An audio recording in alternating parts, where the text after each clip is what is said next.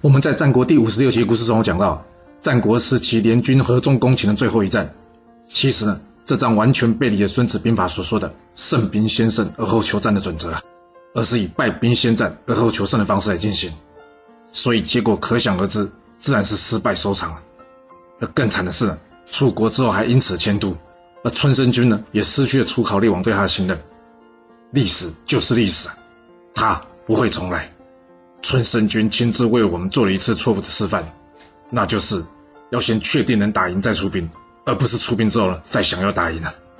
就跟做许多事情一样，你是因为为了做而做，还是因为你是为了胜利而做，这会决定你是否能成功。你说是吧？